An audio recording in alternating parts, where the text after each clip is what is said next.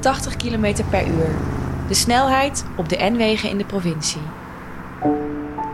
Een snelheid waarmee duizenden mensen in Gelderland dagelijks van A naar B naar C rijden.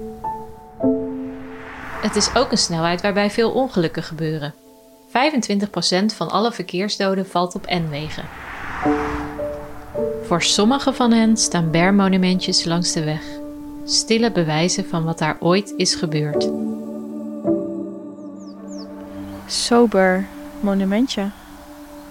Met hout en een plaatjes. Je hoort mij, Lisanne, hier langs de N303 van Ermelo naar Putten. De weg die twee dorpskernen met elkaar verbindt.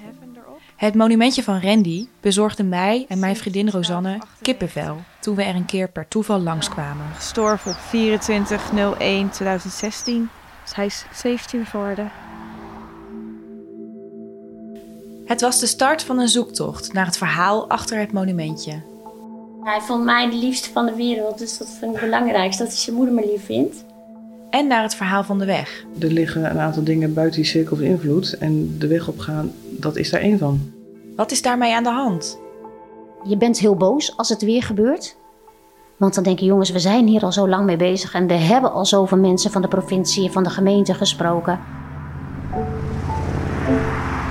80 km per uur is een podcast van Omroep Gelderland. Hallo.